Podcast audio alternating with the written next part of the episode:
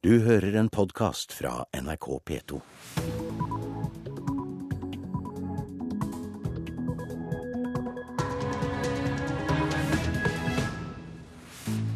Da er klokka blitt eh, halv sju, tirsdag 26. februar.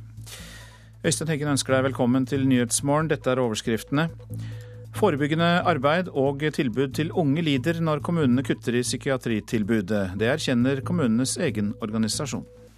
Er nødt til å sette inn eh, de ressursene man har til å gi tilbud til enkeltmennesker som har behov for eh, omfattende hjelpetjenester. Helge Eide, direktør for interessepolitikk i KS. I Italia trenger sosialdemokratene støtte fra Silvio Berlusconi eller komikeren Beppe Grillo for å kunne danne regjering. Importen av mat og dyrefôr i Norge har aldri vært høyere. En palestinsk stat i det blå. Vi spør hvor lenge Norge skal bruke tid og penger på prosjektet.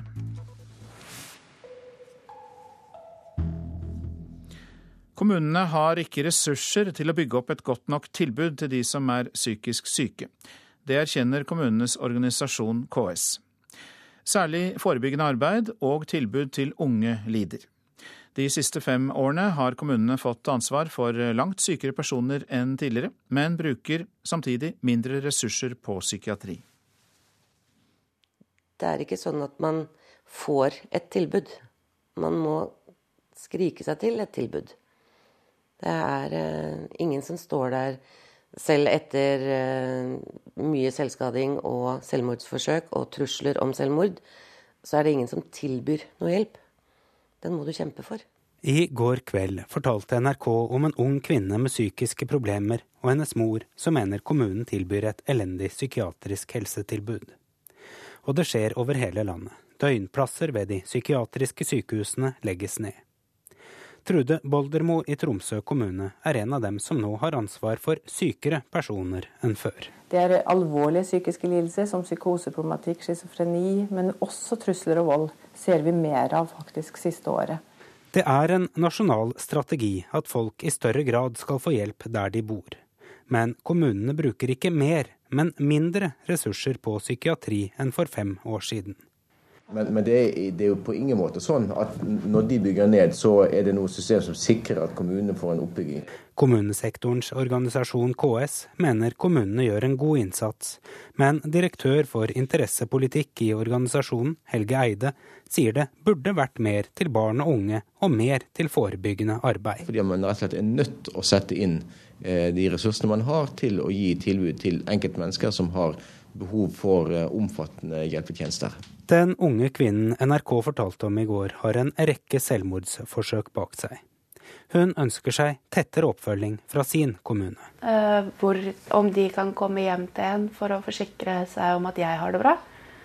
For sånn som i min situasjon, så jeg er ikke en person som tar kontakt når jeg har det vanskelig. Uh, det er noe jeg sliter veldig mye med å gjøre. Så hvis de hadde kunnet kommet hjem til meg kanskje en eller to ganger i løpet av uka, for å se hvordan jeg har det, så hadde det hadde vært veldig betryggende. Reportere i dette innslaget det var Arild Svalbjørg og Ida Dahl Nilsen.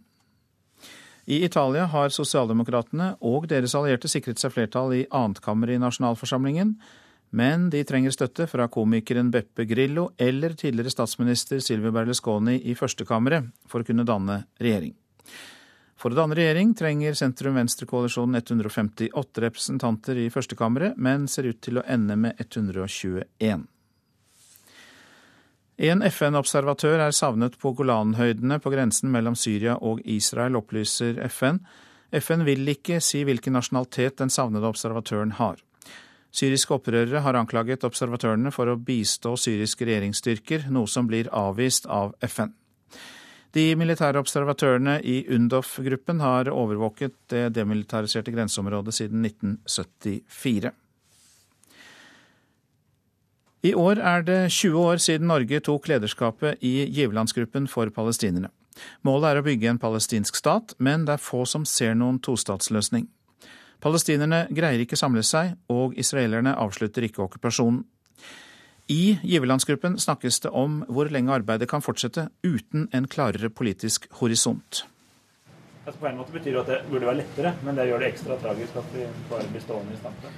Utenriksminister Espen Barth Eide sitter sammen med norske diplomater og embetsmenn. På et hotell i New York oppsummerer de det siste giverlandsmøtet for Palestina. Men jeg får ikke få svar på det når vi blir utfordret av pressen om vi på en måte, den ene parten bare vil ha status quo og egentlig bare snakker for å holde tiden gående. Hva? Eide vil vite hva han skal svare journalister som spør om ikke han og andre blir lurt av israelske politikere som sier at de er for opprettelsen av en palestinsk stat, mens de signaliserer det motsatte ved å feste grepet om okkupasjonen. Nei, altså, ja, Man må nesten forholde seg til hva folk sier. Og så må du konfrontere dem med avstanden mellom det de sier og det de gjør. Men altså, hvis du legger til grunn at alle du møtte, lurer deg, så er det vanskelig å drive med noe År etter år er det de samme problemstillingene som dominerer de norskledede giverlandsmøtene. At Israel ikke vil avslutte okkupasjonen, at palestinske ledere ikke vil samle seg, det israelske stengningsregimet og palestinernes evige kriserammede økonomi. Nå bruker Norge opp mot 650 millioner kroner i året på å holde den palestinske selvstyremyndigheten i live. Også EU, USA og andre bidrar med store summer. Giverlandsgruppen, som består av mer enn 40 land og institusjoner, har et klart krav. At milliardene som gis, skal føre til en levedyktig palestinsk stat. Men Israels visestatsminister Moshiya Alon tror ikke konflikten blir løst med det første. So, uh, Vi må administrere konflikten, sier han til NRK. Å lede giverlandsgruppen når noen av partene bare er interessert i status quo, enten det er Israel eller Hamas, er uakseptabelt for Espen Barth Eide. Det er ikke mulig å holde på som i dag i, i all evighet, nettopp fordi at uh, man må ha en politisk visjon. Jeg forstår frustrasjonen hos giverne, sier palestinernes statsminister Salam Fayyad. Men løsningen er ikke å gi opp. Da taper vi alle, mener han. For palestinerne trenger desperat alle pengene som strømmer inn i budsjettene. Og israelerne er fornøyd med at andre betaler regningene som okkupanten egentlig skulle ta seg av. Blant giverlandsgruppens medlemmer murres det, men ingen tør å si at konflikten er uløselig, selv om det ser slik ut akkurat nå sa reporter Sissel Wold. Og mer om giverlandsgruppens arbeid for en palestinsk stat får du se i Brennpunkt på NRK1 i kveld. Importen av mat og dyrefôr til Norge var i fjor høyere enn noen gang. Det viser en ny rapport gjort av Statens landbruksforvaltning. Samtidig er det nesten ingen økning i produksjonen av landbruksvarer i Norge. Har en litt søtlig, litt nøtteaktig lukt. Du skal få lukte på den sjøl. Den er riktignok kald, da, men det med en markant preg av einebær. Norsk ost fra norske kyr i ostebutikken til Frode Rekve. Laga av én råvare vi har nok av i Norge. Ja, vi importerer eh, i grunnen mer og mer av landbruksvarer. Sier Hans Kjetil Bjørnøy i Statens landbruksforvaltning. Han kan fortelle at Norge har dobla sin import av landbruksvarer siden år 2000. Da importerte vi kjøtt, korn, grønnsaker og melkeprodukt for over 20 milliarder kroner. I dag importerer vi for over 40 milliarder kroner. Det er klart at vi har et, et forbruk som øker, virker det som, da, i og med at vi øker, eh, at importen øker. Og i løpet av de neste 20 årene vil forbruket øke enda mer. Regjeringa anslår at det om 20 år vil være én million flere nordmenn i Norge, og har bestemt at norsk landbruk skal vokse i takt med befolkninga. Det er ikke mulig i dag, sier kommunikasjonssjef i Norges Bondelag Ragna Kronstad. Det er ikke lønnsomt nok for den enkelte bonde til å satse på økt matproduksjon, og bønder er en attraktiv arbeidsgruppe. så er det ikke lønnsomt nok å produsere mat, så forsvinner bonden fra gården. Eh, jeg tror ikke det kommer til å bli noen revolusjon av norsk produksjon, eh, slik at den verken enten øker kraftig eller går kraftig ned. Det tror jeg nok ikke.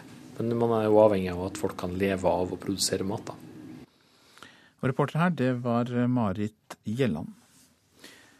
Villreinen kan trekke turister, kan vi lese i en ny reiselivsrapport. Villreinen er unik for Norge, og har vært i fjellområdene i Sør-Norge i over 10 000 år.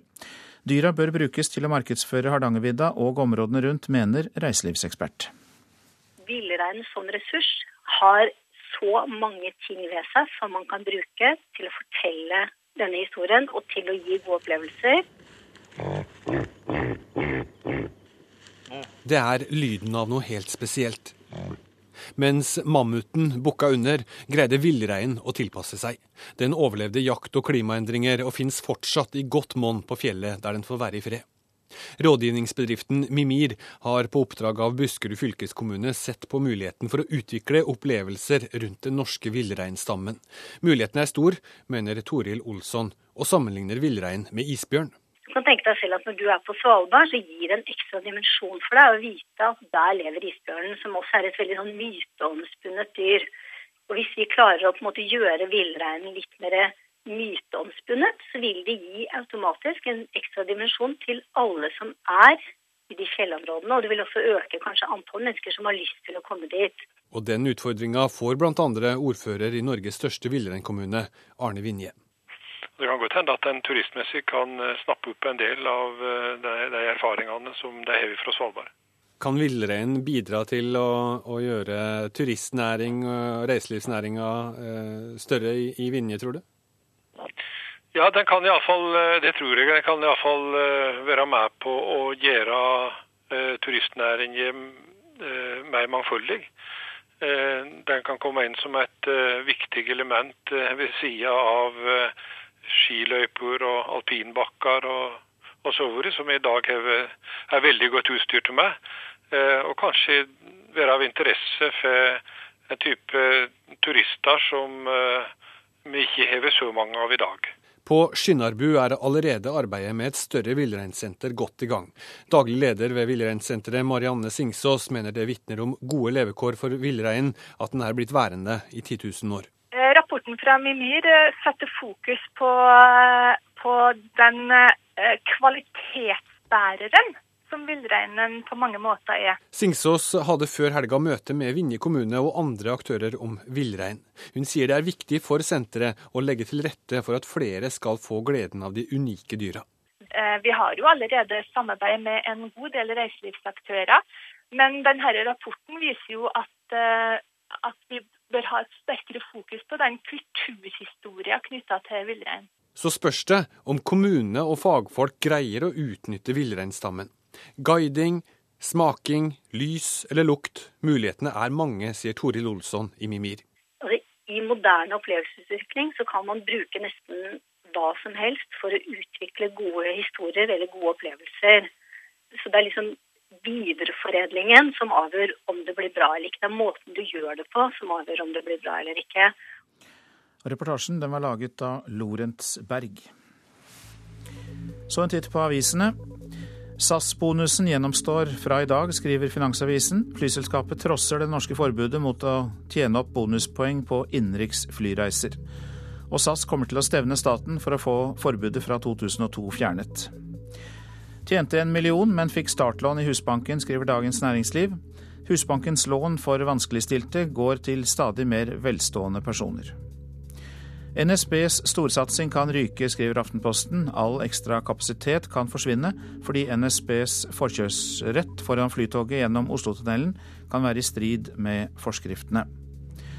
Norsk oljehandel med Iran er et komplett svik, sier William Nygaard til Vårt Land. 20 år etter attentatet mot ham sier forleggeren at Norges kontakt med Iran styres av oljeinteresser, ikke kampen for menneskerettighetene. Oddbjørn Hjelmeset advarer mot utstyrshysteri blant barn, skriver Dagsavisen. Skileken og skigleden drukner i utstyr hos Mørning, sier langrennsløperen med ti OL- og VM-medaljer. Mens Nathan Eshete får støtte fra ordfører Trude Drevland i Bergen, er det ingen som går i fakkeltog for firebarnsfamilien Jakajev fra Tsjetsjenia, som har bodd fem år i asylmottak på Stord. Det skriver Bergens Tidende. Unge Høyre krever plass på 8. mars, er oppslaget i Klassekampen.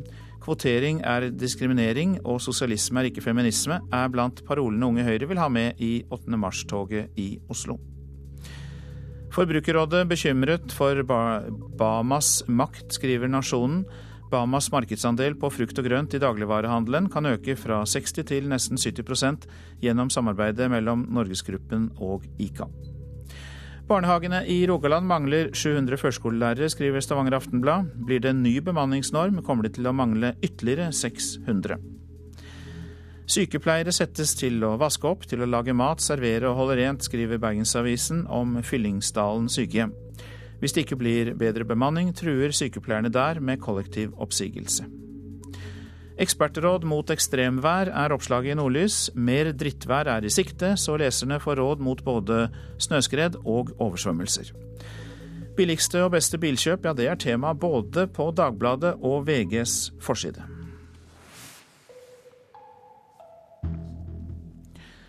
Marit Bjørgen er igjen den store favoritten. Allerede før dagens 10 km har flere døpt Bjørgen til VMs skidronning. Men det bryr ikke hovedpersonen selv seg så mye om. Nei, jeg har ikke lagt så mye merke til det sjøl. Men at hun også i dag er favoritt, er det liten tvil om. Marit er jo den absolutt største favoritten, og ja, det tror vel kanskje at det kan bli gull nummer tre.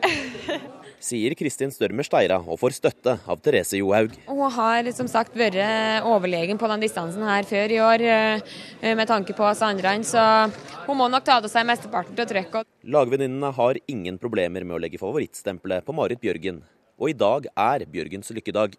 På datoen 26.2 har hun tidligere tatt tre VM-gull. Nei, det visste jeg ikke. Kan ta ditt eh, fjerde gull den på den datoen. Oi. Ja, får vi se. Johaug kan ikke se at noen kan slå lagvenninnen i dag. Ja, da blir jeg overraska. Og på det mange mener er hennes beste distanse, forventes det mye av Bjørgen, som kan bli historisk hvis hun tar sin 24. mesterskapsmedalje. Like mange som Jelena Welbe. Nei, Det er historisk tenker jeg veldig lite på. Jeg har fokus på det å prøve å levere og gå et godt skirenn. Men favorittstempelet, det ønsker hun å kvitte seg med. Ja, det er noen sterke jenter som sitter her. På det norske laget så har vi Charlotte. Og Reporter her, det var eh, Mats Håby. Og om dette blir en lykkedag for Bjørgen, kan du få med deg på eh, NRK P1 fra klokka 13.05. Dette er eh, Nyhetsmorgen, og klokka den har passert 6.47. Vi har disse hovedsakene. I Italia trenger sosialdemokratene støtte fra Silvio Berlusconi eller komikeren Beppe Grillo for å kunne danne regjering. Vi skal høre om eh, en palestinsk stat i det blå. Vi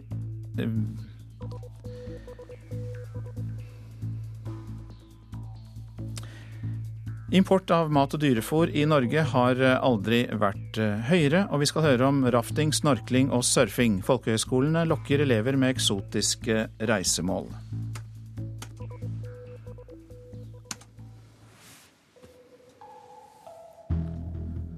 Kommunene har ikke ressurser til å bygge opp et godt nok tilbud til de som er psykisk syke. Det erkjenner kommunen. Det var Feil intro. Vi starter med en ny runde i den såkalte ambulansesaken. Dagbladet anker Oslo tingretts dom fra i fjor, hvor avisen ble dømt til å betale ambulansesjåfør Erik Schenken 1 million kroner i erstatning og oppreisning for det tingretten mente var ærekrenkende uttalelser. Vi er i den klare oppfatning at tingrettens dom er uh, uriktig, og mener at, også at saken gjelder viktige prinsipper når det gjelder pressens ytringsfrihet. Dagbladets advokat Frode Elgesem mener ankesaken mot ambulansesjåfør Erik Skjenken, som starter i Borgating lagmannsrett i dag, er en viktig prinsippsak for norsk presse. I 2011 ble Dagbladet dømt til å betale én million kroner til Skjenken. Oslo tingrett mente avisen hadde publisert ærekrenkende uttalelser om ambulansesjåføren, etter at Ali Farah ble slått ned i Sofienbergparken og ikke fikk transport i ambulanse fra stedet. Men Dagbladet mener de ikke har gjort noe galt. Eh, denne saken har å gjøre med en uh, viktig debatt sommeren, uh, eller høsten 2007 om mulig rasisme i helsevesenet. Og det var en debatt som det var viktig at avisen også dekket.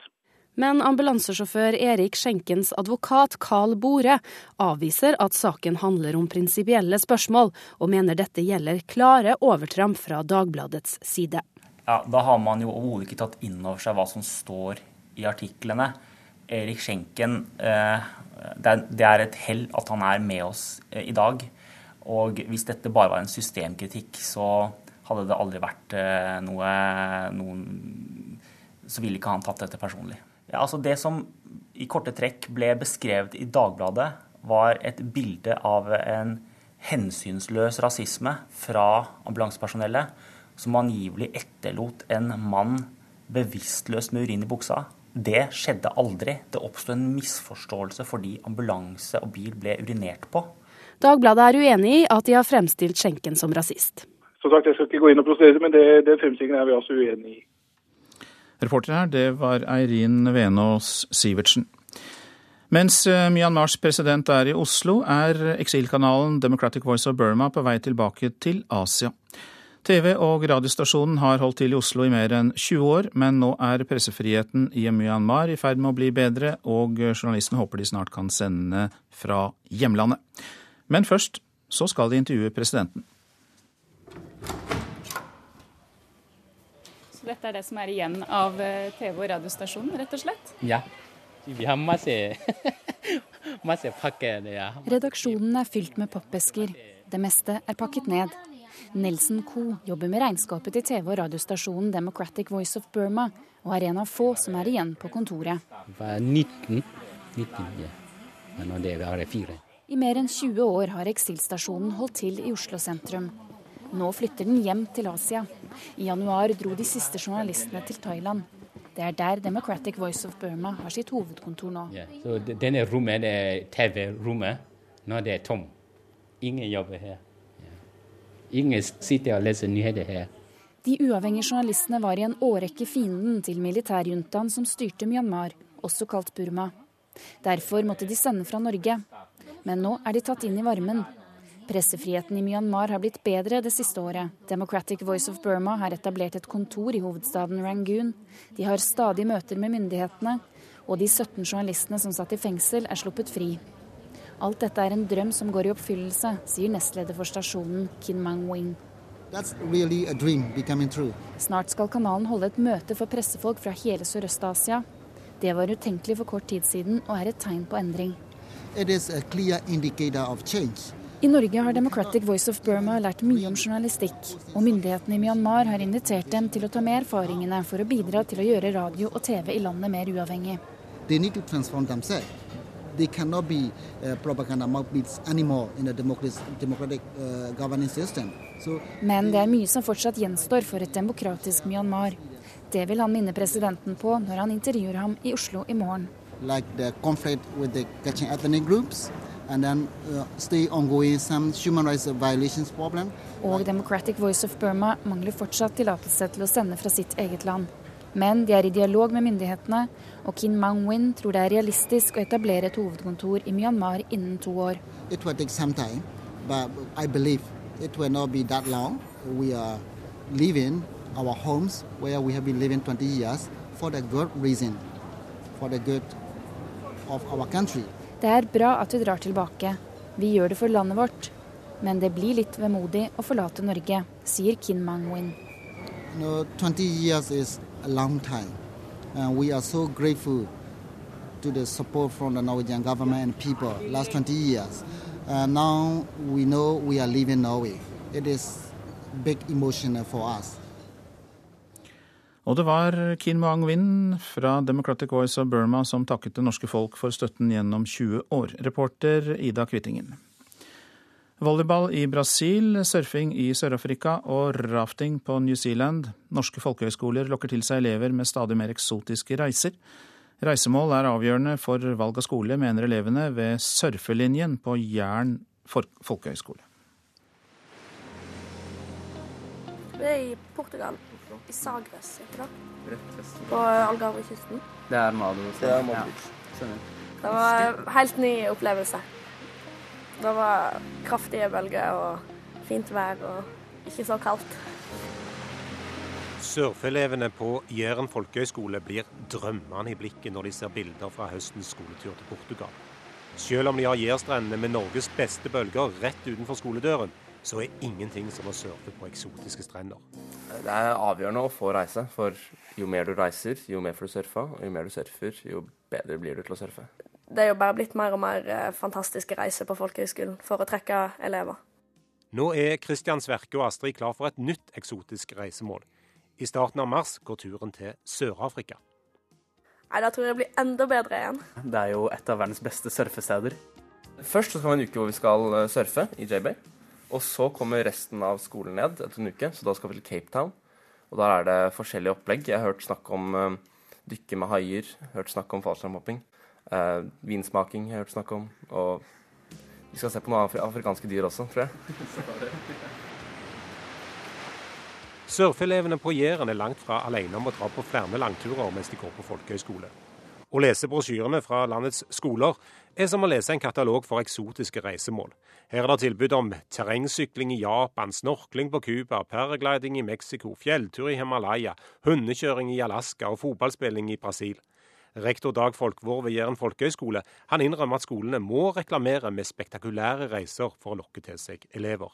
Folkeskole er private skoler, eh, trenger oppmerksomhet, og, og, det er klart at eh, det lokker mer med India og, og, eh, Vietnam enn det lokker med England og Danmark. Har det gått for langt, dette her? Jeg vet ikke om det har gått for langt, men, men det er klart vi stiller oss spørsmålet vi òg, om, eh, om vi reiser veldig mye sånn i folkeskolen i helhet. Og, og, det er klart at det er et element at dette koster penger, og at dette må elevene betale sjøl. Og et skoleår, inklusive reiser, kommer fort på over 100 000 kroner. Dag Folkvår frykter reisepresset kan bli for stort, men er opptatt av at reisene skal inneholde mer enn soling og bading. Ja, helt klart. Altså, Vi hadde ikke reist til, til Mallorca for å sole oss, for å si det sånn. Altså, vi, Selv om det kan sikkert være fint, det òg. Men, men, men, som skole så er det viktig at vi reiser på en, på en studietur. Vi reiser ikke på en ferietur. Og blant ungdommene er det ingen tvil om at spennende reisemål det er blant de viktigste trekkplastrene når de skal velge folkehøyskole. Jeg sto jo på stand for alle folkehøyskolene på utdanningsmessa i Stavanger sånn for en uke siden. Og det var veldig mange som kom og spør nettopp om reiser. Og hvor skal man, hvor mye koster det, hva gjør man på disse reisene? Så det er åpenbart at folk er interessert i reise. Og jo mer eksotisk, jo bedre. Er det blitt for mye, liksom, sånn at det liksom blir nesten litt voldsomt? dette? Nei. Nei, jeg syns ikke det. Det er kjekt. Reporter var Øystein Ellingsen, som altså møtte elever på Norges eneste surfelinje. Så tar vi for oss været. Fjell i Sør-Norge først. Liten kuling i nord. Skyet og stort sett oppholdsvær nord for Filefjell, ellers lettskyet. Østlandet lange perioder med sol, men utpå dagen mulighet for lokal tåke i lavereliggende områder. Telemark og Agder stort sett pent. Utpå dagen kan det bli mulig at det blir lokal tåke nær kysten. Rogaland og Hordaland pent vær, kort og godt. Sogn og Fjordane ved Stad sørvestlig opp i stiv kuling. I kveld minkende. Delvis skyet oppholdsvær. I indre strøk stort sett pent vær. Møre og Romsdal sørvestlig sterk kuling på kysten. Seint i ettermiddag stiv kuling i sør. Skyet vær. Litt regn lengst i nord. Snø i høyden. Ellers oppholdsvær. Trøndelag sørvestlig sterk kuling på kysten. I ettermiddag stiv kuling i nord. Regn og sludd eller snø i indre og høyere strøk av Trøndelag. Så tar vi Helgeland og Saltfjellet. Sørvestlig stiv kuling utsatte steder. Fra i ettermiddag liten kuling. Regn i fjellet, snø. Salten, Ofoten, Lofoten og Vesterålen regn, etter hvert lettere vær. I kveld eh, kan det igjen bli regn fra sør. Troms nordlig liten kuling utsatte steder. Fra ettermiddag frisk bris. Sludd- og snøbyger, etter hvert gløtt av sol i Troms. Finnmarksvidda nordvestlig liten kuling øh, utsatte steder og snøbyger. Kyst- og fjordstrøkene i Finnmark nordlig stiv kuling utsatte steder. I ettermiddag noe minkende og snøbyger. Og Nordensjøland på Spitsbergen stort sett pent vær. I kveld liten kuling utsatte steder. Temperaturer målt klokka fire. Svalbard lufthavn minus 20. Kirkenes, Vardø og Alta har alle sammen pluss tre grader. Tromsø-Langnes pluss én. Bodø pluss seks. Brønnøysund pluss fire. Trondheim-Værnes minus tre. Molde null. Bergen-Flesland minus tre, Stavanger minus to, Kristiansand-Kjevik minus fem. Gardermoen minus 12, Lillehammer minus 19. På Røros var det minus 15 grader klokka fire, og Oslo-Blindern hadde minus 7. Du hører en podkast fra NRK P2.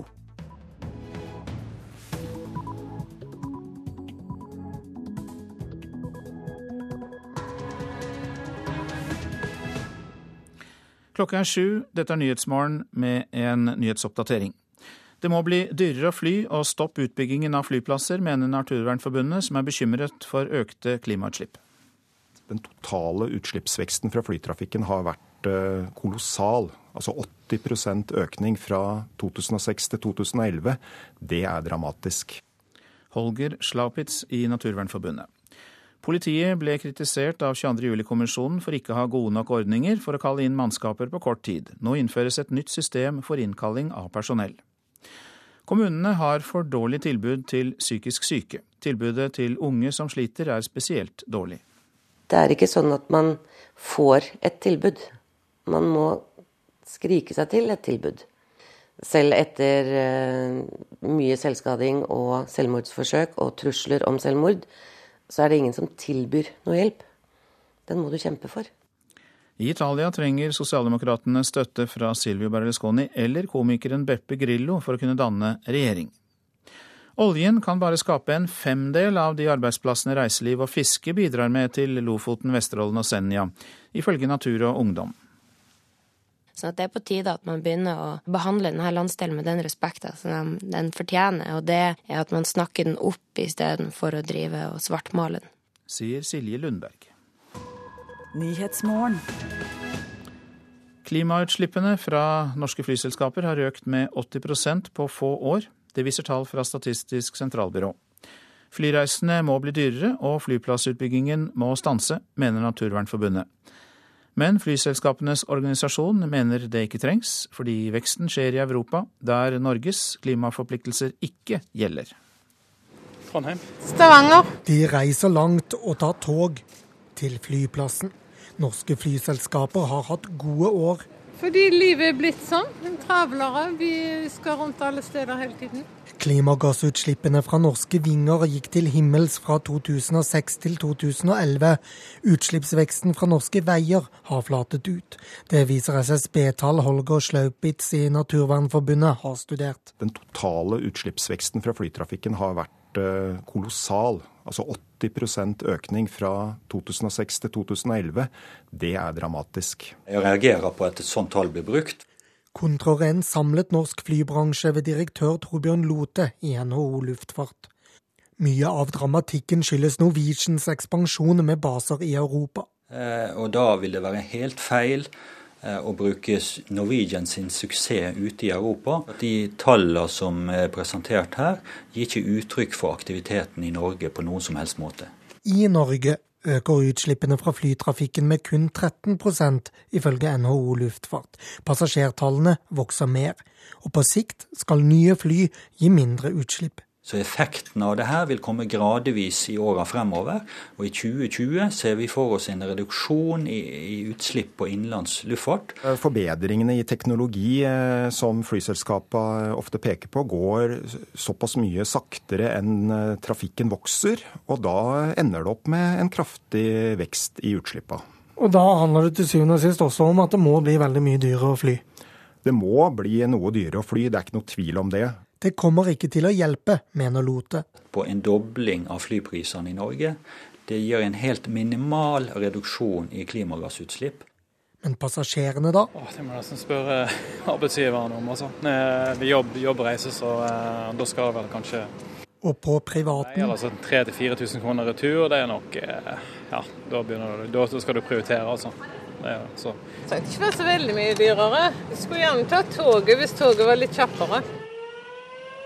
Nå går toget raskt, i hvert fall mellom Oslo og Gardermoen. En flyplass som utvides for nye passasjerrekorder. Klimafiendtlig, sier Naturvernforbundet. Når Avinor da ønsker at trafikken vokser, og da bygge nye rullebaner og nye store terminalbygg som skal ta hånd om denne økte trafikken, ja da får vi også en økt trafikk. Reportere her, det var Hedvig Bjørgum og Lars Nehru Sand. Strategidirektør i Avinor, Jon Sjølander, du er med oss på telefon. og Dere legger altså til rette for veksten i norsk luftfart. Det kommer store utvidelser på Gardermoen og Flesland. Og hvor stor trafikkvekst og dermed økte klimagassutslipp risikerer vi da? Altså Vår målsetting i, i Norge er at vi mot 2020 skal stabilisere utslippene, slik at ulike tiltak skal utligne den trafikkveksten, og at de totale utslippene ikke skal øke. Hvilke tiltak? Ja, det, er, det, det, det, viktigste tiltaket er at flyselskapene skifter ut til mer effektive fly. I tillegg så er det mindre tiltak på de enkelte lufthavner. Det er prosedyrer for hvordan flyene kommer i lufta. og vi har også en utredning på gang om mulig bruk av biodrivstoff til luftfart. Men det virkelig store tiltaket ville jo kunne vært å la være å bygge ut f.eks. Gardermoen og Flesland? Altså, vi, vi, tror jo at med, med, den eh, beliggenheten som Norge har i Europa, og, og, sånn som vårt land ser ut, eh, med den økonomiske veksten vi har i Norge, eh, økt innvandring osv., så, videre, så er det vil, vil de samfunnsmessige konsekvensene av å stoppe veksten være, være så negative at alternativet å gjøre den veksten bærekraftig er mye bedre. Men hvilken rolle ser dere i Avernor i arbeidet med å få klimautslipp ned? Har dere en rolle der? Ja, absolutt. Og, og, og hele bransjen må, må, selv om bransjen utgjør ca. 2 av eh, de innenriks eh, klimautslipp i, i Norge, så, så, er vi også en del av problemet og utfordringen. og Bransjen må helt klart ta, ta sin del av ansvaret og gjøre sin del av jobben med å, med å få redusert utslipp. Du nevnte jo da dette med stabilisering av utslippene innen 2020 med diverse tiltak og fly som slipper ut mindre. Men tenker Avinor først og fremst kommersielt og ikke helhetlig miljøpolitisk?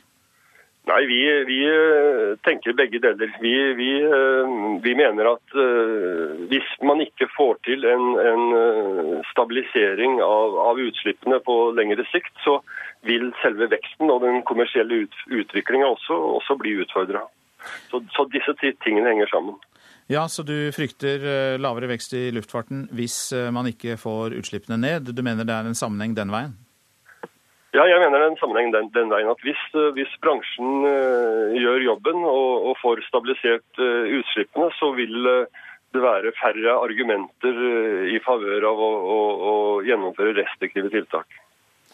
Takk skal du ha, strategidirektør i Avinor, Jon Sjølander. Mer luftfart, for SAS gjennomfører fra i dag bonusordninger på flygninger innenlands, og trosser dermed det norske forbudet mot bonusopptjening på flyreiser i Norge. Vi har vært ganske fortvilet over dette forbudet. Nå gjør vi noe med det, sier konsernsjef i SAS Rikard Gustavsson til Finansavisen. Men han sier mer. Han bekrefter overfor avisen at halvstatlig SAS om kort tid vil stevne den norske stat for retten, i håp om å få opphevet hele bonusforbudet på innenriksrutene. Forbudet ble innført i 2002 fordi Høyre-statsråd Viktor Nordmann mente at SAS hadde fått for stor makt. På den tiden hadde selskapet kjøpt Bråtens og var så godt som enerådende i norsk luftfart. Men bakfra kom Norwegian, som på mange måter fikk bonusforbudet i gave. Det skapte nemlig færre bindinger mellom SAS og de forretningsreisende. Siden har Norwegian vokst seg store, mens SAS har kavet i voldsom motvind. I første omgang skal bonusordningen gjelde gjennom storkundeavtaler med bedrifter, men SAS vil gå lenger enn som så. Alle, også private, skal få muligheten til bonusopptjening. Derfor stevner staten, derfor går selskapet nå rettens vei. Det er ingen grunn til at Norge skal være det eneste landet i verden som forbyr bonuspoeng, sier konsernsjef Rikard Gustafsson i SAS til Finansavisen. Reporter Hans Jørgen Solli. I hele landet innfører politiet nå et nytt system for innkalling av personell. Politiet ble kritisert av 22. juli-kommisjonen for ikke å ha gode nok ordninger for å kalle inn mannskaper på jobb. Med den nye løsningen blir politiet mer i takt med tiden. Det sier politimester i Vest-Finnmark, Torbjørn Aas. Jeg ser fram til at vi skal få noe som er tilpassa 2013, eh, og som er, gjør oss i stand til å gi eh, god varsling til internt, som igjen skal komme publikum til gode. Politi-Norge innfører nå et nytt system for raskt å kunne kalle inn mannskaper på jobb når det oppstår en krise. Systemet er basert på varsling via SMS, e-post og talebeskjed, og krever at den som mottar meldingen, kvitterer. Du bes om å møte i stabsrommet umiddelbart for en orientering. Hvis du kan stille umiddelbart, velg 1. Verktøyet vil være på plass i, og tilgjengelig i alle politidistriktene fra 1.4 eh, dette året her. Det sier fungerende avdelingsdirektør i Politidirektoratet Sture Wang om systemet, som hittil er blitt testet ut av både direktoratet og av Oslo politidistrikt. 22.07-kommisjonen kritiserte politiet for å ikke ha gode nok systemer for gruppevarsling. Unødig tid og oppmerksomhet gikk med til å ringe rundt til personell. Med det nye systemet vil politiets mobilisering av egne ressurser gå raskere, og systemet er både brukervennlig og billig å innføre. Det koster i underkant av fem millioner kroner. Totalt for hele landet. Også politioverbetjent ved Nordmøre og Romsdal politidistrikt, Sigvart Sigvartsen, gleder seg til å ta det nye systemet i bruk. Ja, om en skal si at en gleder seg til å få noe nytt på jobben, så må en vel kunne si det. Sigvardsen mener den største fordelen med det nye systemet er at den som mottar meldingen, kvitterer. Ja, det er jo nettopp det at vi, vi vil kunne få svar da, fra hver enkelt uten at de trenger å ringe inn til oss for å fortelle at de ikke kan komme eller kan komme. Politiets egen evaluering etter 22.07 viste at politiet selv har vært for tilbakeholdne med massemobilisering i kritiske situasjoner. Nå lover Sture Wang i Politidirektoratet at terskelen skal senkes. Det er helt sikkert at politiet skal være parat når eh, det er behov for det. Takk. Ditt svar er registrert. Reportere Kristine Næss Larsen og Ellen Borge Christoffersen. Og med oss fra studio i Tønsberg, Georg Bryn, god morgen. Ja, god morgen. Du er avdelingsleder for beredskap og krisehåndtering i Direktoratet for samfunnssikkerhet og beredskap. Og hvor beredt blir politiet med denne løsningen? Ja, altså dette er jo et uh, verktøy som eh, vi også kjenner uh, veldig godt. Og det som man har fokus på her, som da er innkalling av mannskaper, er én liten del av et større verktøy som vi kaller et krisehåndteringsverktøy, eller et krisestøtteverktøy.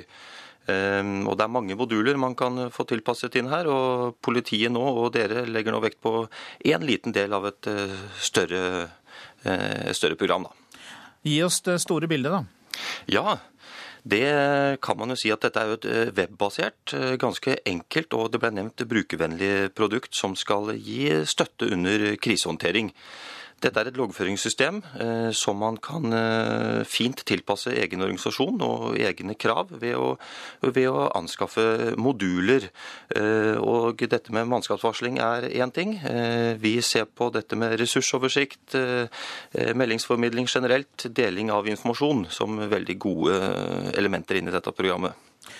Men eh, for den enkelte bruker, politimann, kvinne, hvilke plattformer kommer denne informasjonen på? Går det rett inn i mobilen? Det kan det gjøre. Det som er litt viktig for meg å si nå, er at eh, vi i Direktoratet for samfunnssikkerhet og beredskap vi eh, er en part i dette ved at vi er en bruker selv, og vi har inngått en rammeavtale som flere statlige aktører kan eh, henge seg på. Utviklingen av det internt har ikke vi noe med. Men vi har jo selv et system hvor mobile plattformer er mulig å bruke, slik at man også kan drive loggføring og, og håndtering av kriser utenfor et fast kontor kontor. Det framgikk jo av den reportasjen vi hørte at det ikke er spesielt eh, komplisert å bruke, og ikke så avkrekkende dyrt heller. Eh, hvorfor er det ikke kommet på plass tidligere? Ja, Det er ikke noe jeg kan svare noe konkret på. Men uh, mine tanker går i den retning av at uh, en organisasjon skal være varsom bare med å implementere noe som man ikke selv er sikker på er tilpassa egen organisasjon. Så en grundig vurdering der før man går til anskaffelse av et krisestøtteverktøy, mener jeg er veldig fornuftig. Og når man først har anskaffa noe slikt, så kreves det en del opplæring, en del kursing, og man bør jo, slik vi ser det, også bruke dette verktøyet i eh, øvelsessammenheng. Eh, og dette kan også utvikles i den retning man ønsker, så jeg tror det er fornuftig at man er vel forberedt på at det er ikke bare å kjøpe det inn, eh, og så fungerer det vel under en krise. Men hvis man har gjort alle de forberedelsene, så mener altså du at det vil kunne fungere langt bedre enn de systemene vi har i dag? Ja, Det er intensjonen ved å gå til anskaffelse og bruke en del ressurser på et slikt krisestøtteverktøy, ja. Takk skal du ha, Georg Bryn, som altså er eh, avdelingsleder i Direktoratet for samfunnssikkerhet og eh, beredskap. Dette er Nyhetsmorgen, og klokka den går mot eh, kvart over sju. Vi har disse hovedsakene. Norske fly forurenser som aldri før. Utslippene økte med 80% ifølge Statistisk sentralbyrå. Kommunene har for dårlig tilbud til psykisk syke. Tilbudet til unge som sliter er spesielt dårlig. Det erkjenner kommunenes organisasjon KS. Og følg oss videre. Norge ønsker nemlig å styrke bistanden til Myanmar. I dag kommer presidenten til Norge. Men først til Italia, for det kan gå mot omvalg. Sentrum-venstre-koalisjonen sikret seg et knapt flertall i andrekammeret, men trenger støtte fra en komiker, skråstrek klovn, eller fra Silvio Berlusconi for å danne en ny regjering. Avisredaktør Massimo Pedretti i Il Massagigero viser fram dagens forside.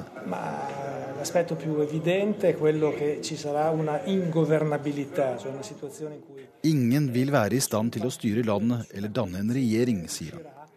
Sosialdemokratene og deres allierte sikret seg 29,5% av stemmene i annetkammeret, men i senatet eller førstekammeret fikk de ikke nok til å danne et regjeringsdyktig flertall.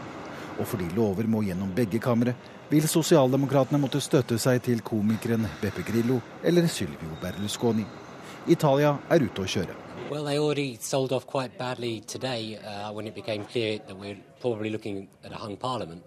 Uh, no optimism, sure. Da det ble klart at det ikke ligger an til at noen får et klart flertall, så kan vi nok ikke vente oss noen positive tegn i markedet. Det er ingen grunn til optimisme, sier sjefsanalytiker Gavin Jones i Reuters i Italia. Nå kan det gå mot omvalg i landet. Det er umulig å unngå, sier avisredaktør Massimo Predretti. eh, la strada inevitabile è quella del ritorno alle urne. Og denne saken var laget av utenriksreporter Øyvind Nyborg. Norge ønsker å styrke sin bistand til Myanmar. I dag innleder landets president Thein Sein sitt statsbesøk i Norge. Utenriksminister Espen Barth Eide sier at Norge ønsker å stimulere Myanmars økonomi, og et tettere samarbeid mellom de to landene står på dagsorden.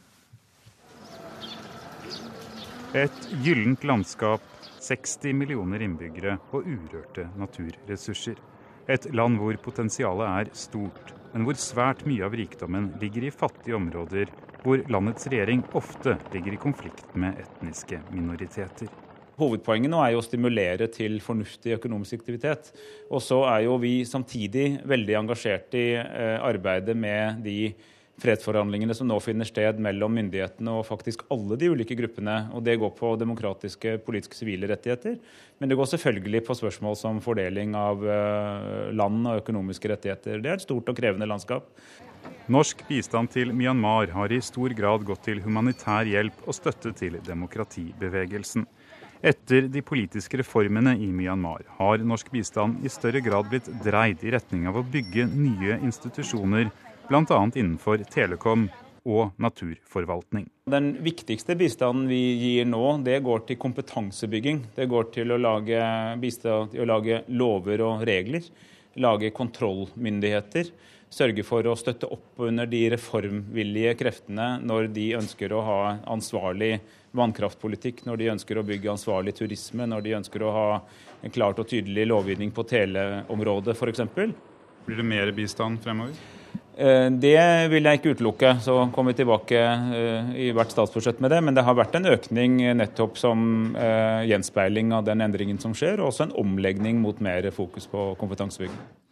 Utenriksminister Espen Barth Eide og reporter var Philip Lote. Og velkommen, Kjell Magne Bondevik. Du er leder for Oslo-senteret for fred og menneskerettigheter, og var i Myanmar, møtte president Thein Sein for bare to uker siden. Ja, Hva har skjedd med din oppfatning av han i løpet av de siste par-tre år? Jeg tror han ønsker en utvikling i retning av demokrati. Det store spørsmålet er bare hvor mye makt han egentlig har når det kommer til stykket. For som mange sier, det er de militære som sitter mer isolert i sitt hovedkvarter, som avgjør hvor langt de får lov til å gå i demokratisk retning. Så jeg tipper han balanserer mellom sitt ønske og sine muligheter. Men han er jo selv tidligere militær, og ut ifra det du sier, så virker det som om de militære er i bakgrunnen, selv om det formelt sett er en sivil regjering. Ja, de er nok det, og de har ifølge landets grunnlov en særstilling i styret av landet. Og de har også fått reservert 25% av setene i parlamentet, som ikke står på valg, men som generalen utpeker. Eh, så grunnloven må endres til et av hovedkravene fra demokratibevegelsen før neste valg i 2015. Og resten av de politiske fangene, som det er noen igjen av, må løslates. Og der har presidenten tatt et prisverdig initiativ og oppretta en komité med folk fra ulike hold, hvor en skal prøve å bli enige om hvem er igjen av politiske fanger for at de skal løslates. Du møtte ham. Kan du gi oss et bilde av ham som person? En stillferdig, eh, relativt kortvokst eh, mann som er behagelig eh, å omgås. Og nå reiser han på sin første europaturné og velger Norge som et av sine land han besøker. Det er positivt. Han sa til meg at han ville komme til Norge særlig av to grunner. Den ene var å drøfte med ledere for et veletablert demokrati, hvordan et demokrati skal fungere. Og det andre er det som særlig utenriksministeren nå var inne på, nemlig å stimulere norsk næringsliv til å investere. Det trenger landet. Storparten av folket lever i stor fattigdom. Men det er mange fallgrupper. Fare for korrupsjon, manglende institusjoner, et manglende fungerende bankvesen. Så norske bedrifter som vil inn der, må gjøre skikkelige undersøkelser, så ikke de feiler. En person du kjenner er nobelprisvinner Aung San Suu Kyi, som du har fulgt og støttet i mange år. Hvordan er samarbeidet, dialogen mellom henne og myndighetene nå?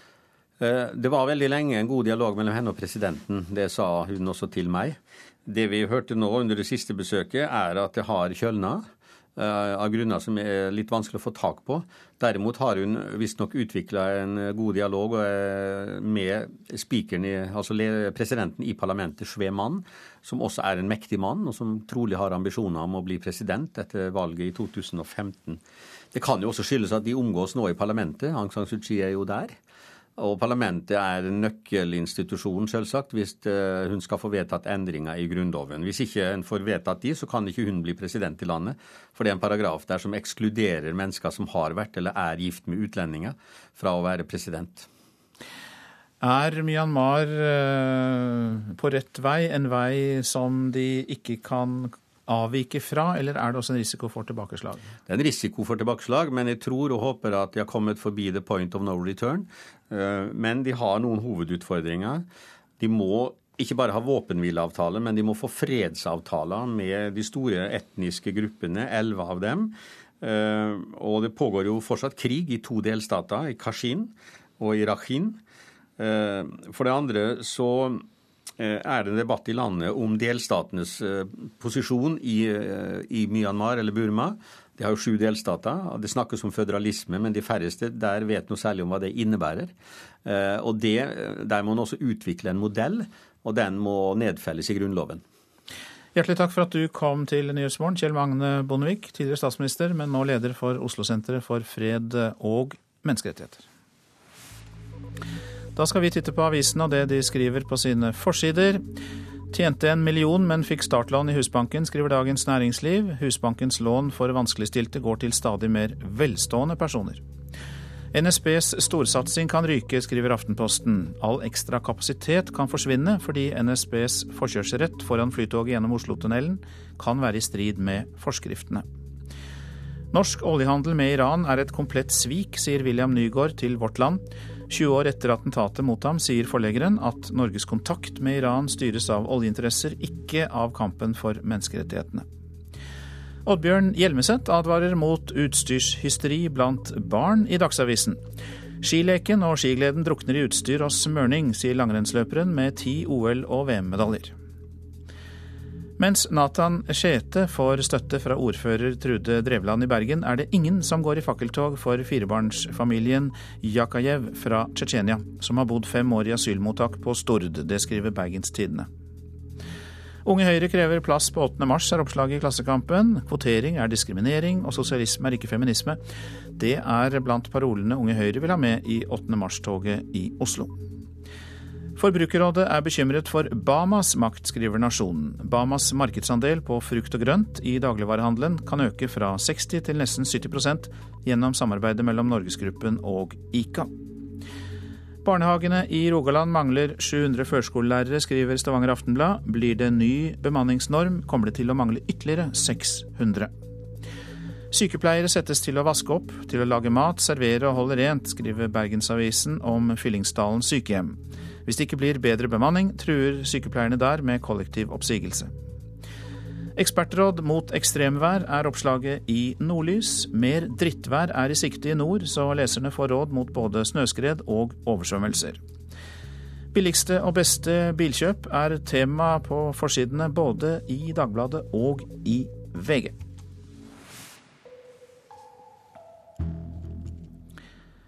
Oljeleting i Lofoten, Vesterålen og Senja vil bare gi en femtedel av de arbeidsplassene som fiskeri og reiseliv skaper i regionen i dag. Det viser en gjennomgang av tall fra Olje- og energidepartementet. Likevel prøver oljetilhengerne å fremstille regionen som et u-land, mener Natur og Ungdom. For Nå kunne jeg heller tenkt meg at jeg var gatemusikant, for det, det går natt og dag. ikke. På fiskemottaket i Svolvær er det hektisk under det store skreifisket. I regionen dras det årlig opp fisk for 2,2 milliarder kroner, og nær 3000 personer jobber fulltid som fiskere over mottakene i Lofoten, Vesterålen og Senja. Det tror Silje Lundberg i Natur og Ungdom mange ikke har fått med seg. De politikerne som er her, altså når de driver og skal prøve å overtale oljeselskaper til å komme opp, eller politikerne på Stortinget til å åpne områdene, så har man en, en veldig dårlig måte å snakke om Nord-Norge på, og en veldig dårlig måte å snakke om Lofoten, Vesterålen og Senja på. Så man svartmaler hele denne regionen. Og det blir jo framstilt, tror jeg, for veldig mange at det her er en landsdel som er i ferd med å trenge uhjelp, og som trenger trygd fra, fra Oslo. Og det blir liksom bildet som blir laga, istedenfor at man snakker om alt det fantastiske som skjer her.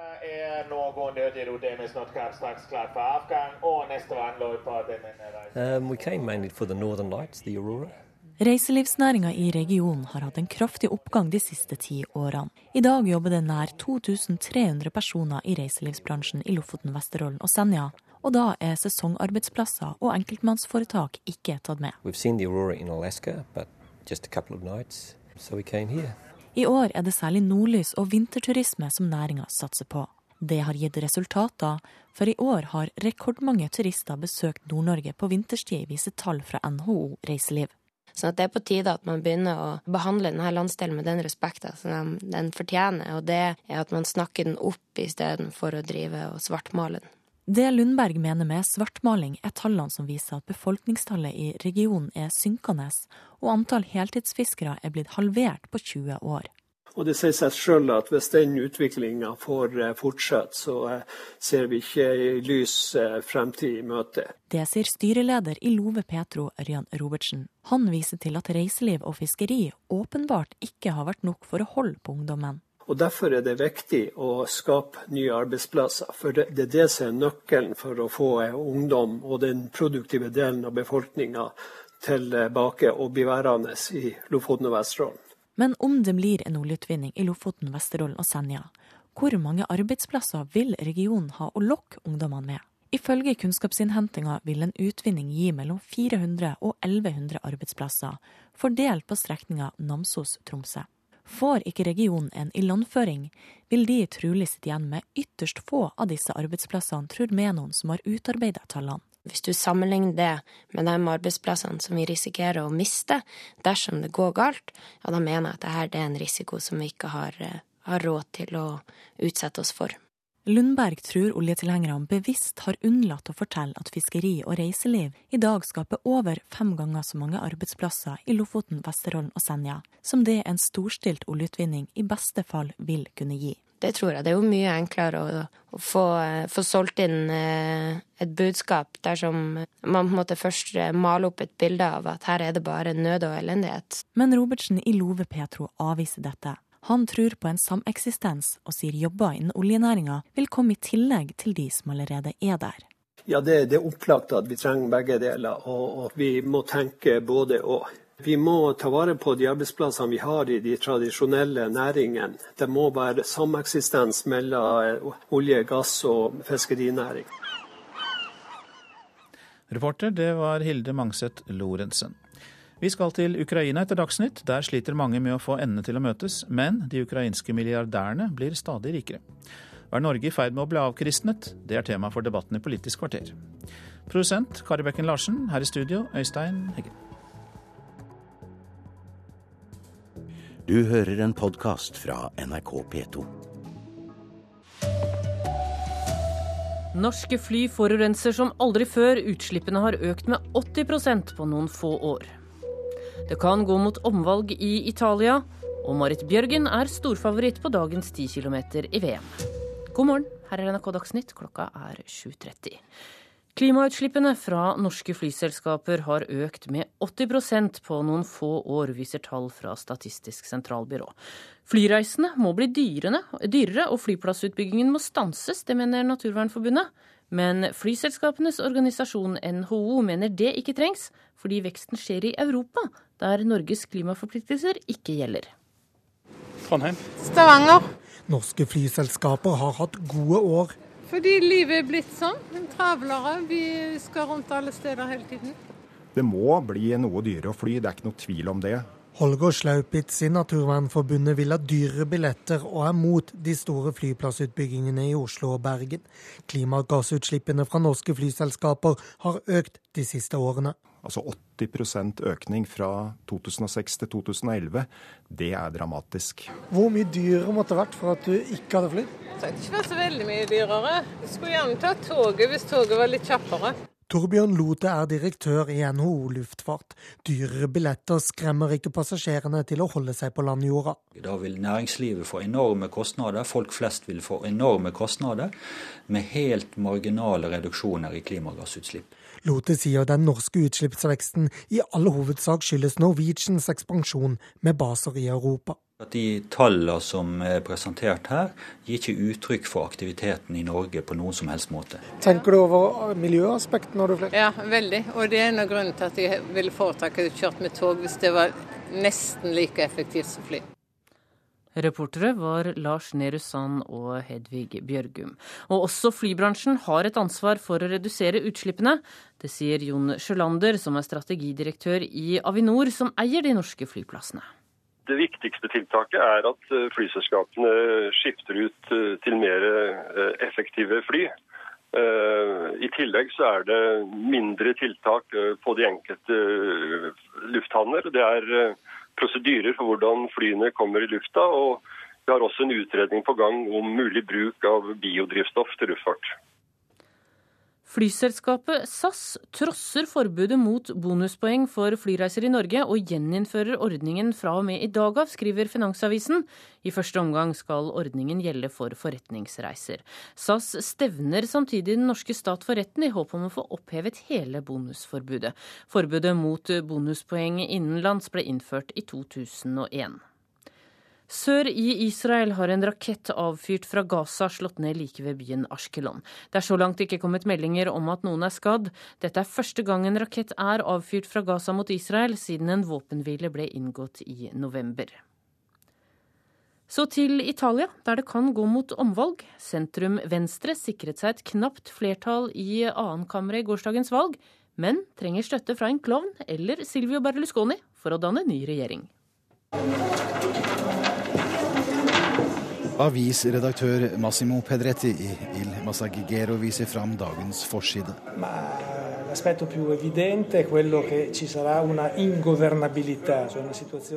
Ingen vil være i stand til å styre landet eller danne en regjering, sier han. Sosialdemokratene og deres allierte sikret seg 29,5% av stemmene i annetkammeret, men i senatet eller førstekammeret fikk de ikke nok til å danne et regjeringsdyktig flertall. Og fordi lover må gjennom begge kamre, vil sosialdemokratene måtte støtte seg til komikeren Beppe Grillo eller Sylvio Berlusconi. Italia er ute å kjøre.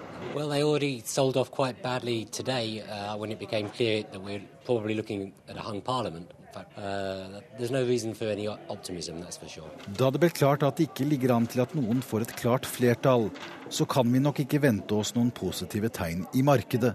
Det er ingen grunn til optimisme, sier sjefsanalytiker Gavin Jones i Reuters i Italia.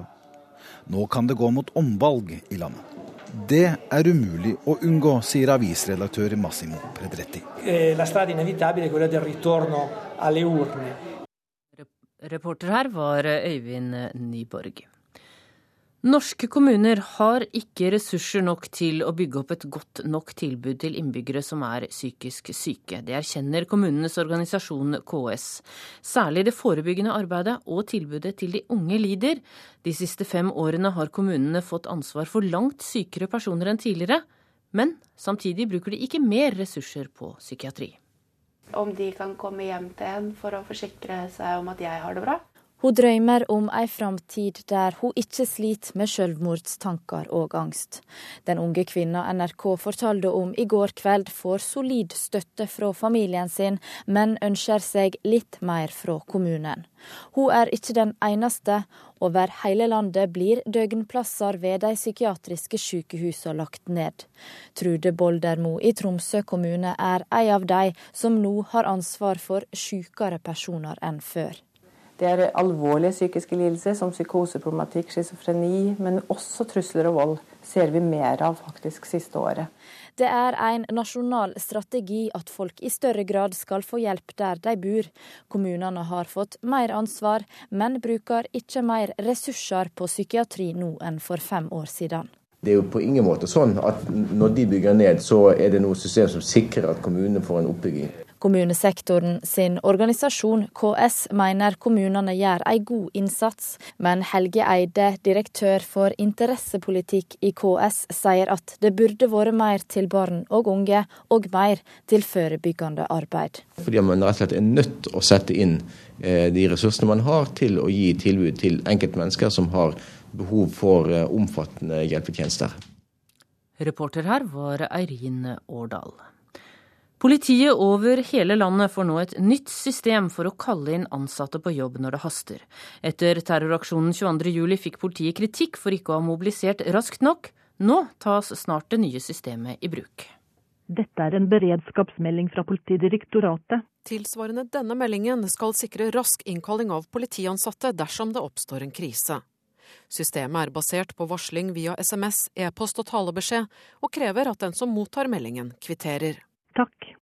Ditt svar er registrert. Verktøyet vil være på plass i, og tilgjengelig i alle politidistriktene fra 1.4 eh, dette året her. Det sier fungerende avdelingsdirektør i Politidirektoratet, Sture Wang. 22.07-kommisjonen kritiserte politiet for å ikke ha gode nok systemer for gruppevarsling. Unødig tid og oppmerksomhet gikk med til å ringe rundt til personell. Med det nye systemet vil politiets mobilisering av egne ressurser gå raskere, og systemet er både brukervennlig og billig å innføre. Det koster i underkant av fem millioner kroner. Reportere i dette innslaget var Kristine Næss Larsen og Ellen Borge Christoffersen. Norge vil styrke sin bistand til Myanmar. I dag kommer landets president Tein Sein på statsbesøk til Norge. Han skal bl.a. møte utenriksminister Espen Barth Eide, og ett tema blir tettere bistandssamarbeid. Et gyllent landskap, 60 millioner innbyggere og urørte naturressurser. Et land hvor potensialet er stort, men hvor svært mye av rikdommen ligger i fattige områder hvor landets regjering ofte ligger i konflikt med etniske minoriteter. Hovedpoenget nå er jo å stimulere til fornuftig økonomisk aktivitet. Og så er jo vi samtidig veldig engasjert i eh, arbeidet med de fredsforhandlingene som nå finner sted mellom myndighetene og faktisk alle de ulike gruppene. og Det går på demokratiske, politiske, sivile rettigheter. Men det går selvfølgelig på spørsmål som fordeling av eh, land og økonomiske rettigheter. Det er et stort og krevende landskap. Norsk bistand til Myanmar har i stor grad gått til humanitær hjelp og støtte til demokratibevegelsen. Etter de politiske reformene i Myanmar har norsk bistand i større grad blitt dreid i retning av å bygge nye institusjoner, bl.a. innenfor telekom og naturforvaltning. Den viktigste bistanden vi gir nå, det går til kompetansebygging. Det går til å lage, bistand, til å lage lover og regler. Lage kontrollmyndigheter sørge for å støtte opp under de reformvillige kreftene når de ønsker å ha ansvarlig vannkraftpolitikk, når de ønsker å bygge ansvarlig turisme, når de ønsker å ha en klart og tydelig lovgivning på teleområdet f.eks. Det sa utenriksminister Espen Barth Eide, som ble intervjuet av Philip Lote.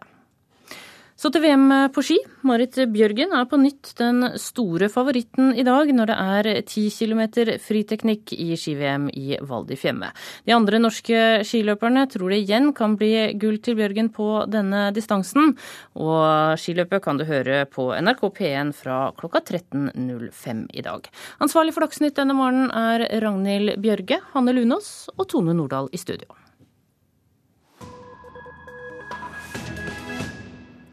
Du lytter til P2s Nyhetsmorgen. Skillet mellom fattig og rik øker i mange europeiske land pga. den økonomiske nedgangstiden. I Ukraina sliter mange med å få endene til å møtes, men samtidig blir landets milliardærer stadig rikere. Jan Espen Kruse har sendt oss denne rapporten fra hovedstaden Kiev. Det å være her i sentrum av den ukrainske hovedstaden Kiev er en litt spesiell opplevelse.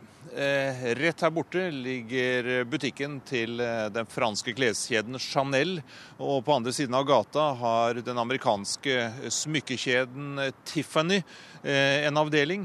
Og bilene som står utenfor disse dyre butikkene, de svarer til dette nivået. Det er luksusbiler virkelig verdensklasse som er her. Folk som går inn og ut av butikkene, de bærer også preg av ikke å være direkte fattige. Så det er helt åpenbart at eh, rikdommen i dette landet er svært ulikt fordelt.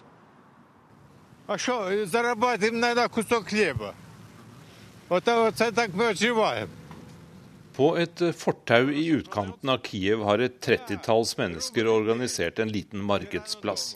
Her forsøker en mann som kaller seg Vladimir å selge meg en rusten fil, noen kjøkkenredskaper eller et par svarte sko som ble laget mens Sovjetunionen ennå eksisterte. Kvaliteten er mye bedre enn det som lages nå for tiden, hevder Vladimir.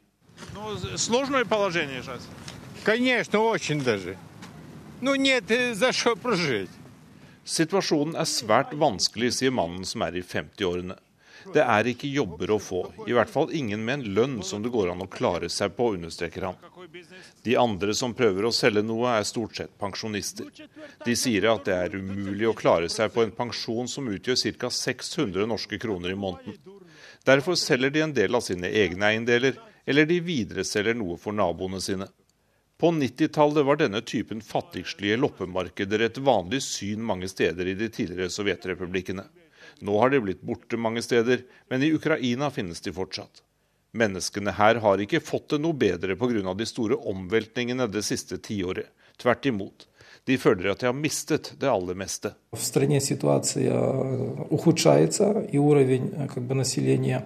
уменьшается, и у нас, скажем, встает меньше представителей среднего класса. Situasjonen blir stadig verre for middelklassen og de fattige, sier Vitali Bala, som leder en gruppe forskere ved et uavhengig institutt i Kiev. Men det merkelige er at noen av de ukrainske milliardærene har fordoblet sine inntekter og verdier under den økonomiske krisen. Den eneste forklaringen er at pengene på statsbudsjettet finner veien ut til oligarkene via utro tjenere i statsapparatet, sier Bala. Denne utviklingen er svært ødeleggende for et land som burde ha store muligheter, mener han. Я думаю, что главный потенциал страны это все-таки граждане. У нас очень высокий уровень образованности людей, у нас очень хорошие, э, скажем так. Hovedpotensialet i Ukraina ligger i menneskene, sier forskeren. Han viser til at utdanningsnivået er høyt, og at det er viktig å styre talentene inn på områder der de kan gjøre størst nytte for seg. Tidligere ble Ukraina kalt brødkurven for Sovjetunionen, og ifølge Bala er det jordbruket ukrainerne bør satse på igjen. Den rike matjorda ligger der og venter, så får heller andre ta seg av industrivarer. En ukrainsk bil kommer aldri til å bli en suksess på verdensmarkedet, men jordbruksvarer kan fort bli det, påpeker forskeren i Kiev. Dette er Nyhetsmorgen, vi har disse hovedsakene. Det må bli dyrere å fly, og stopp utbyggingen av flyplasser, mener Naturvernforbundet. Klimautslippene fra norske flyselskaper har økt med 80% på få år. Det kan gå mot omvalg i Italia. Sentrum Venstre sikret seg bare flertall i ett av nasjonalforsamlingens kamre. Norske kommuner har ikke ressurser til å bygge opp et godt nok tilbud til de psykisk syke, erkjenner kommunenes organisasjon KS. Organisasjonen Kristenfolket, Per Arne Bjerke, de frykter avkristning av Norge, og det blir vel debatt hos deg i Politisk kvarter om det? Ja, er den rød-grønne regjeringen en trussel mot de kristne verdiene? Knut Arild Hareide møter Audun Lysbakken i Politisk kvarter.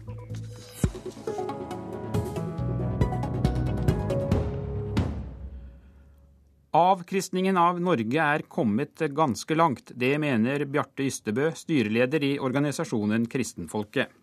Det som skjer med, gjennom lovverket og gjennom de politiske prosessene, det syns jeg har kommet ganske langt.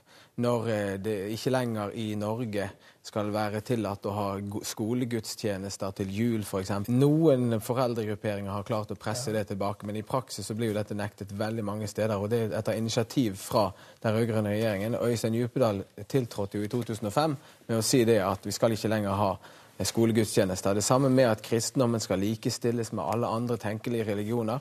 Eh, dette var nokså utenkelig i Norge for noen år siden, så prosessen har kommet langt. Bjarte Ystebø i Aktuelt på NRK2 i går kveld. Denne uka samler han de kristenkonservative til konferanse i Oslo. Og leder i Kristelig Folkeparti, Knut Arild Hareide, du skal innlede på konferansen. På hvilken måte mener du at de kristne verdiene er truet? Ja, nå vil jeg si at dette med avkristning og at de kristne verdiene er trua, så tror jeg det aller viktigste der er at eh, vi som kristne deltar aktivt i menighetsliv. Det tror jeg er det aller viktigste. Så tror ikke jeg politikerne kan styre om det blir avkristning eller ikke. Det er det på en måte kristenfolket sjøl som, og vi, eh, og deltar aktivt. Men det er klart at på en del områder så forstår jeg den bekymringen, fordi vi har opplevd òg under den rød-grønne regjeringa noen politiske utslag som vi har vært uenige med. Og La meg bare nevne kort noen eksempel på det. Det ene er jo at den forandra kristendomsfaget, det som heter KRL-faget, det ble til et religion, eh, etikk og livssynsfag. Kristendommens posisjon i det faget ble betydelig redusert. Eh, det var en skuffelse for KrF. Vi var med på å innføre KRL-faget i si tid, men vi ønsket en større andel kristendom. Eh, så kom det en formålsparagraf i skolen fra regjeringa. Forslaget fra regjeringa altså var ikke forankra i de kristne og humanistiske verdiene. Så ble det en endring i Stortinget, men det var en tydelig skuffelse. Eh, så er det sånn at f.eks. regjeringa har auka bistandsprosenten, og auka bistanden, det har vært bra. Men de ideelle kristne organisasjonene er blitt en mindre viktig del av det budsjettet. Som noen eksempel. Leder i SV, Audun Lysbakken, er dere med på å avkristne Norge? Nei, jeg vil ha meg frabedt den typen uh, anklager. Vi i SV har mange kristne medlemmer, vi har mange kristne velgere. Og jeg er ikke på noen måte negativ til religion. Tvert imot så kan religion på sitt beste bygge fellesskap og solidaritet og være en motvekt til den egoismen og kynismen som uh, markedsliberalismen skaper. Ofte er det et fellesskap mellom oss uh, sosialister og mange kristne. Så det er en problemstilling jeg syns er veldig veldig eh, spesiell. og Jeg syns at denne organisasjonen Kristenfolk er høyst selektiv med hva den peker på som jo, kristne men, eh, verdier. Hvorfor må dere provosere Knut Arild Hareide og andre kristne ved å gå inn for å fjerne skolegudstjenestene? Ja, regjeringen har ikke gått inn for å fjerne skolegudstjenesten. Det kom noen veldig klare signaler, signaler fra Øystein Djupedal. Skolene har eh, en frihet til å gjennomføre skolegudstjenester, og mange gjør det. Men det vi har gjort i årene SV har vært i regjering, er at vi har vært opptatt av å få et tydeligere prinsipielt skille mellom hva det er som er statens oppgaver, og hva det er som er sivilsamfunnets oppgaver. Og i et samfunn der mange er kristne, men der det også er mange som tilhører andre livssyn, eller som ikke tror, så er vi i SV tilhengere av at vi skal ha en sekulær sekulær stat, en felles stat for alle, som er tros- og livssynsnøytral, og som garanterer å jobbe aktivt for religionsfriheten. Og jeg tror ikke noen med hånden på hjertet kan hevde at det har blitt vanskeligere å være kristen, eller at det har blitt lagt noen ting i veien for religionsutøvelsen i Norge de siste årene. Tvert imot så har jo også den rød-grønne regjeringen vært opptatt av f.eks. en raus politikk for å støtte tros- og livssynssamfunn. Og de aller viktigste kompromissene i denne perioden når det gjelder statskirke, når det gjelder formålsparagraf paragraf i skolen når det gjelder privatskoler, har jo vært gjort mellom våre partier. Knut Arild Hareide og jeg har jo vært helt enig om de viktigste veivalgene, med breie forlik der både SV og KrF har deltatt. Og Det er jo helt riktig, men det vi som har ligget til grunn foran de forlikene, bl.a. når en da kom en formålsparagraf, så kommer regjeringa altså med et forslag til Stortinget der verken de kristne eller humanistiske verdiene var forankra i den formålsparagrafen. Vi vet utmerket godt òg at SV hadde et landsmøtevedtak der en sa nei til til alle friskoler. Eh, og det er den type holdninger som er med på å vise at en ikke viser mangfold og bredden. Så er vi alle enige om at selvfølgelig skal det være religionsfrihet. Den enkelte er nødt til å ha en religionsfrihet. Men vi må ikke glemme den historien og den arven vi har.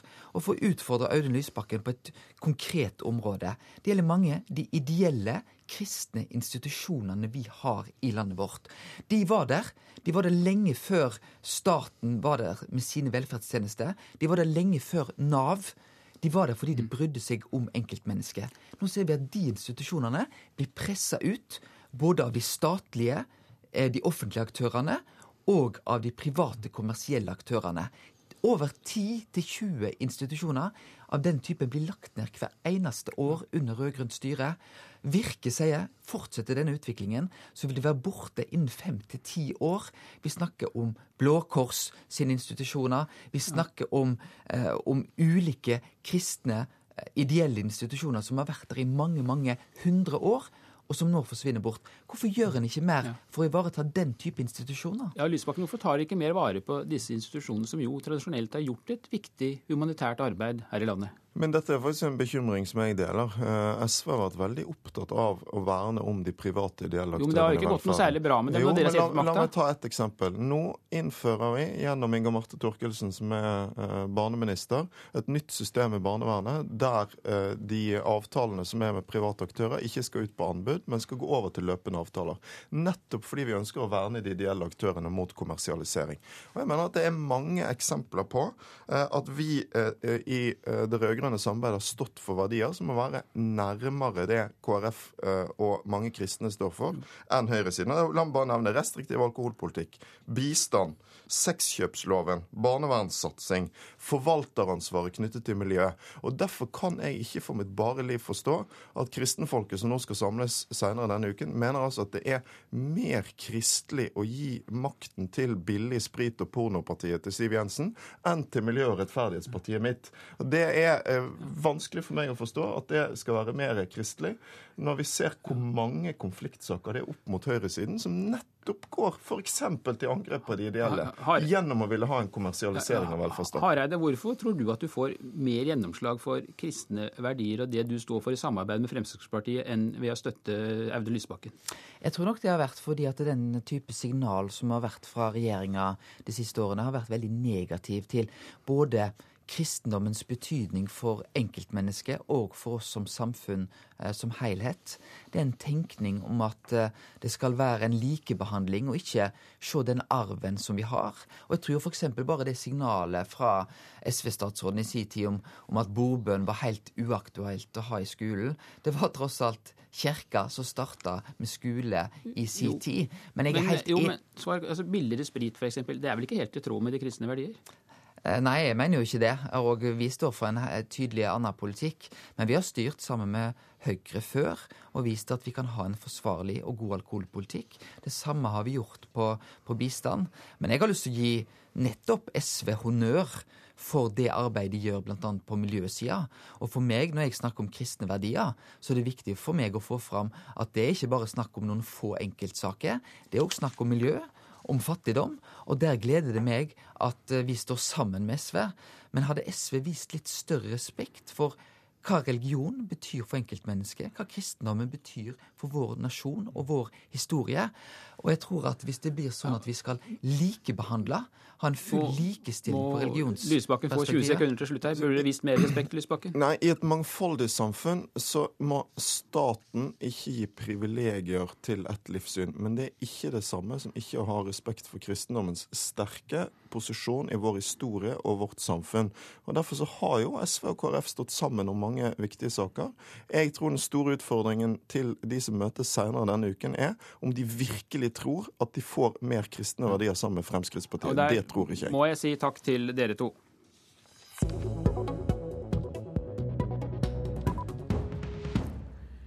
LO sprøyter millioner inn i Arbeiderpartiets valgkamp, mens landets millionærer åpner pengesekken for Høyre. Blant Høyres velgjørere finner vi andre et privatskolekonsern. Og Lars Arne Ryssdal, du er generalsekretær i Høyre. Hvorfor tror du at eierne av en privatskole gir penger til Høyres valgkamp?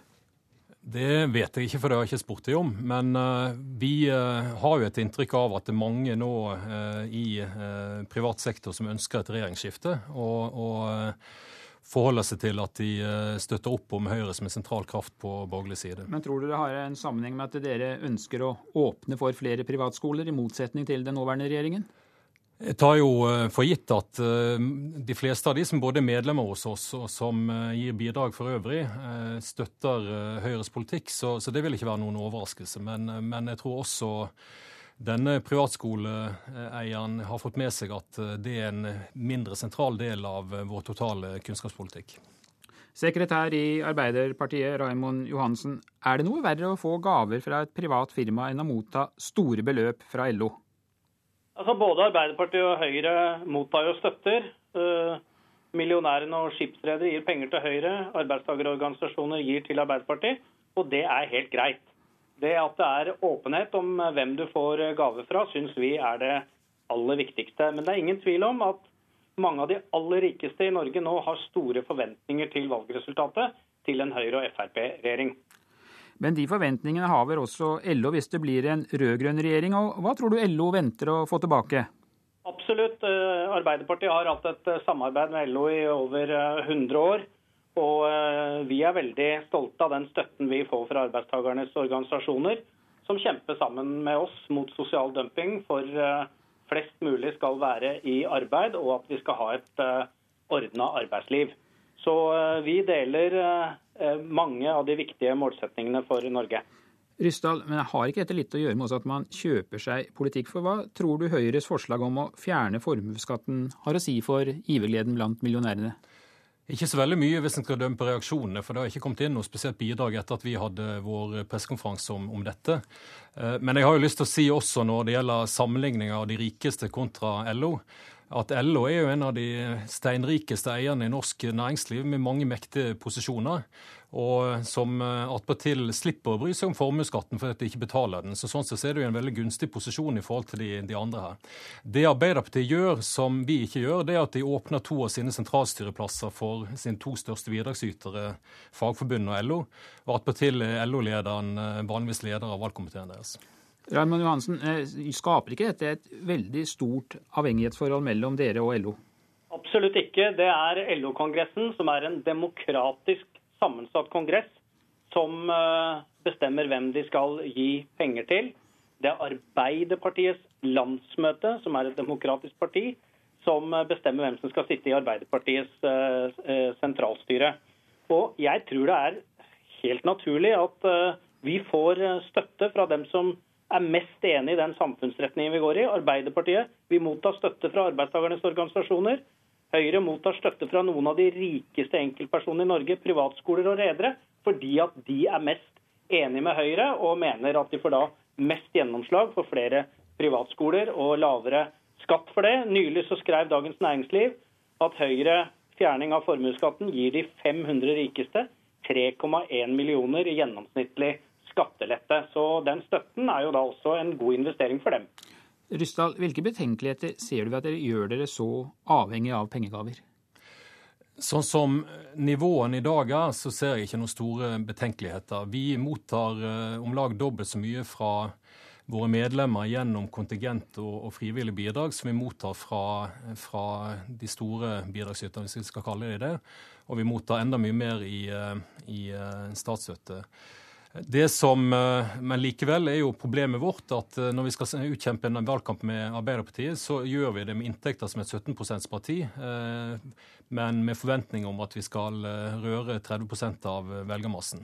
Så Sånn sett er det ulike kamp, la meg ha sagt det. Men, men, det er klart at hvis, hvis vi lager et system som, som faktisk skremmer interessenter av det politiske liv vekk fra å gi bidrag i åpent lende, så tror jeg faktisk en har et større problem. Eh, det er faktisk en verre prinsipiell utfordring det en har rotet seg bort i eksempelvis i USA, hvor, eh, hvor det er sterke begrensninger på hva en gir til partiene, og hvor en derfor har fått eh, lobbyorganisasjoner på siden av det politiske liv. Både fordi at det gjør dette mer tildekt, men også fordi at det faktisk fører til mye mer negativ kampanje. Men, eh, men hva med de partiene som nesten ikke får eh, støtte, Raymond Johansen? For dere har jo mange mindre kollegaer som bare får minimalt med penger.